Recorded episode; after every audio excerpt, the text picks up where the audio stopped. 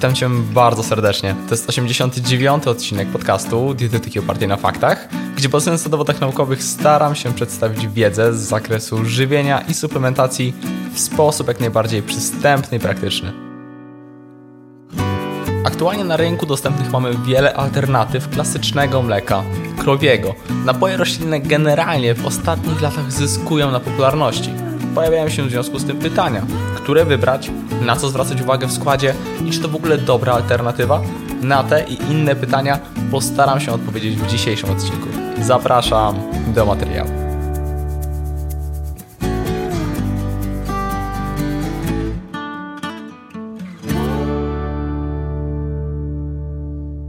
Na wstępie zacznę od ciekawostki, a mianowicie nazewnictwa. Niegdyś mocno przyjęła się nazwa mleko roślinne. Obecnie częściej i zresztą poprawnie stosuje się sformułowanie napój roślinny. Wynika to z faktu, że zgodnie z prawem mleko, też zresztą zgodnie z definicją, jest produktem odzwierzęcym. Jeżeli nie jest to mleko krowie, to na opakowaniu podaje się gatunek zwierzęcia, od którego dane mleko pochodzi. I w 2017 roku pojawił się wyrok Trybunału, który uznał, że mleko oraz nazwy zastrzeżone wyłącznie dla przetworów mlecznych nie mogą być zgodnie z prawem stosowane dla oznaczeń wyrobu wyłącznie roślinnego pochodzenia. Dlatego poprawnie to napoje roślinne, ale oczywiście w praktyce, jak ktoś powie mleko roślinne, to i tak wiadomo o co chodzi. No dobrze, przechodząc do omawiania napojów roślinnych, e, jak wspomniałem, stanowią one swego rodzaju alternatywę klasycznego mleka. Żeby natomiast stanowiły alternatywę, to muszą wykazywać się podobnymi cechami, a konkretnie to na czym w szczególności nam zależy, z punktu widzenia dietetycznego, podobną wartością odżywczą. Bo oczywiście są też inne perspektywy, tak? Zastosowanie e, kulinarne, smak, ale to trochę odrębny temat, a smak jest często też kwestią mocno indywidualną. Są też zresztą e, taki szeroki wybór, jaki mamy obecnie. Niemniej, wartość odżywcza. Mleko zawiera wiele związków, natomiast skupiając się na tych kluczowych, to charakteryzuje się wyższą zawartością białka, wapnia oraz jest pewnym źródłem m.in. witaminy B2, B12 i trochę też witaminy D. Na czym więc zależałoby nam w napojach roślinnych? Trudno jest uzyskać stan idealny, ale na wspomnianym białku, wapniu czy na niektórych witaminach. Jeżeli chodzi o wapń, czy na przykład witaminę B12, witaminę D, produkty te muszą być wzbogacane, fortyfikowane w te składniki, no bo same w sobie nie mają takiej wartości odżywczej jak mleko. Potencjalnie dalej jest jeszcze kwestia węglowodanów, tłuszczów czy innych związków, ale w praktyce najważniejsze są te wspomniane. I teraz tak, rodzajów napojów roślinnych jest trochę. Te najpopularniejsze obejmują napoje na bazie zbóż, na przykład owsiane, jaglane, ryżowe, na bazie roślin strączkowych, na przykład sojowe, oraz na bazie orzechów i pestek, chociażby migdałowe, kokosowe czy z orzechów nerkowca. Oczywiście to nie wszystkie, ale to są popularne wybory. Każde z nich trochę się różni, co logiczne, no bo otrzymywane są wyniki wodnej ekstrakcji konkretnego, różnego składnika. Niekiedy same e, napoje roślinne, same w sobie, e, cechują się obecnością innych pozytywnych dla zdrowia związków, których w mleku klasycznym nie znajdziemy. To też ciekawe i o czym też trochę wspomnę. E, niemniej, teraz pokrótce i dość ogólnie. Napój sojowy to generalnie faworyt. Wypada najlepiej pod kątem obecności białka. Zawiera trochę mniejszą, ale porównywalną ilość do mleka krowiego i jest ono praktycznie pełnowartościowe. Napój sojowy też ma ogólnie dość wysoką wartość odżywczą. Jeśli dodatkowo jest fortyfikowane w wapń, witaminę D i witaminę B12 jest super. I warto też dodać, że biodostępność wapnia z takich napojów jest naprawdę dobra. W badaniach wykazano, że absorpcja wapnia z napoju sojowego jest zbliżona do absorpcji z mleka krowiego. Dodatkowo, napój sojowy zawiera izoflawony, które także wykazują pozytywny wpływ na zdrowie oraz często pewną ilość błonnika, co stanowi jego dodatkowe źródło w ciągu dnia. Zwykłe mleko błonnika nie ma. To może być e, czasami plus i można to wykorzystać. W praktyce dobrze jest też zwrócić uwagę na skład i wybrać ten albo bez dodatku cukru, albo ten, który dodanego cukru zawiera mało. Do, jeszcze, do tego jeszcze się trochę odniosę później. Jeśli spełnia wszystkie wspomniane warunki, a na rynku polskim jak najbardziej takie produkty znajdziemy, to dobra alternatywa. Oczywiście ma swój wyjątkowo charakterystyczny smak, no ale to kwestia indywidualna. No i też może występować alergia na soję. No to wtedy po prostu odpada. Dalej, napój owsiany. To produkt cechujący się wyższą zawartością błonnika, zawiera beta-glukany z owsa, czyli rozpuszczalny błonnik, nawet niekiedy ponad 1 gram na 100 ml, więc może to stanowić istotne jego źródło.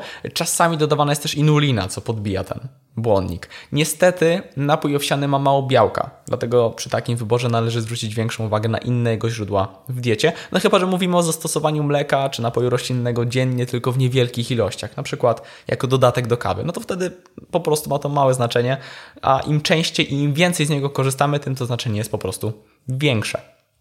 I tu tak samo jak z sojowym i z pozostałymi, trzeba zwrócić uwagę na fortyfikację wapń, witaminę B12 i witaminę D.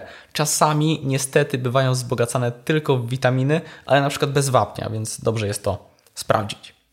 Y, wiele pozostałych napojów wypada podobnie. Napój migdałowy, kokosowy, z orzechów nerkowca, laskowych. Y, wszystkie dość podobnie. Oczywiście różnią się smakiem i trochę wartością odżywczą. Też pewne różnice są między tymi samymi produktami, ale z różnych E, firm, różnych producentów. Niestety mają mało białka, mm, ale wtedy ponownie trzeba o to zadbać z innych źródeł. Wyróżnia się jeszcze napój ryżowy, który ma trochę więcej węglowodanów niż pozostałe. Trzeba to mieć na uwadze, niekiedy na plus, niekiedy na e, minus. Mm, często są to wartości powyżej 10 gramów na 100 ml. Mleko ma dwa razy mniej. To, na co jeszcze e, ogólnie można zwrócić uwagę, to kaloryczność. Napoje roślinne z reguły są mniej kaloryczne niż mleko krowie, no chyba, że mówimy o tym 0% tłuszczu. Niemniej w praktyce najczęściej wybieramy to 1,5, 2, 3%, więc wtedy ta kaloryczność po prostu jest wyższa niż, niż napojów roślinnych. E, do napojów roślinnych tłuszcz też bywa dodawany, na przykład do ryżowego, owsianego, natomiast e, no, często w postaci na przykład oleju słonecznikowego, co nie jest idealne, ale też nie są to duże ilości. Jeśli chodzi o skład, to pojawiają się jeszcze pytania o takie dodatki jak emulgatory, stabilizatory, na przykład celuloza, różne gumy, e, karagen. Nie trzeba się tego obawiać.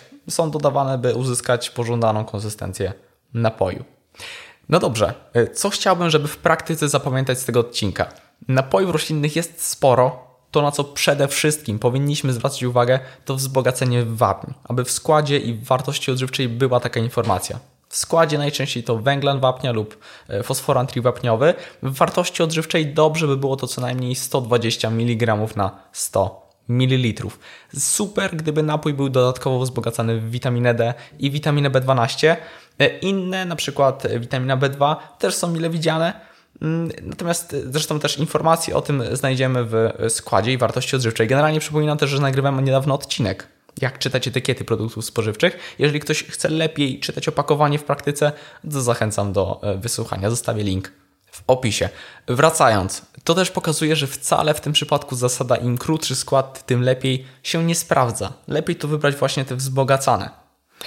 E, ok, dalej, jeżeli chcemy potraktować napój roślinny jako faktycznie alternatywę mleka, wybór pada na napój sojowy. To jedyny napój roślinny, który faktycznie ma więcej białka i wartości są porównywalne do mleka klasycznego. Jeżeli wybieramy inny, to po prostu warto wiedzieć, że trzeba zwrócić uwagę na inne źródła protein w diecie.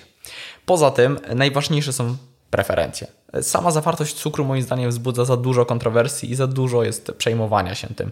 Niektóre napoje roślinne są po prostu wyjątkowo mało smaczne, jeżeli w ogóle tego cukru nie mają. Więc tak jak wspomniałem, wybór tego bez cukru to dobry wybór, ale w praktyce ten z niską zawartością też będzie super. Patrząc z wartości odżywcze trzeba oczywiście też pamiętać, że to co kryje się pod węglowodany, w tym cukry, może zdecydowanie wynikać z naturalnej ich obecności w produkcie. To tak jak w zwykłym mleko, tak?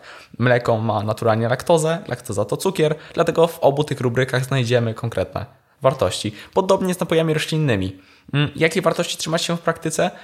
Ciężko powiedzieć, żeby rzucać konkretną wartość, ale dookoło, załóżmy 3 gramów w tej rubryce, w tym cukry, to zdecydowanie będzie w porządku. No dobrze. I na sam koniec, kiedy je wybierać? Właściwie kiedy tylko chcemy. Jeżeli ktoś na przykład nie lubi mleka, a chce zrobić sobie owsiankę na napoje roślinne albo naleśniki, placki itd., tak itd., tak to dobra alternatywa. Jeżeli ktoś ma alergię na białka mleka, jeżeli ktoś ma nietolerancję e, laktozy, choć w tym przypadku można skorzystać też z tego mleka bez laktozy. Jeżeli ktoś jest na diecie wegańskiej, tu nie ma jednej określonej grupy. W praktyce można śmiało korzystać i z mleka, i z napojów roślinnych. Jak kto lubi. Mam nadzieję, że ten odcinek okazał się wartościowy. To już tyle ode mnie. Do zobaczenia, do usłyszenia już niebawem. Hej!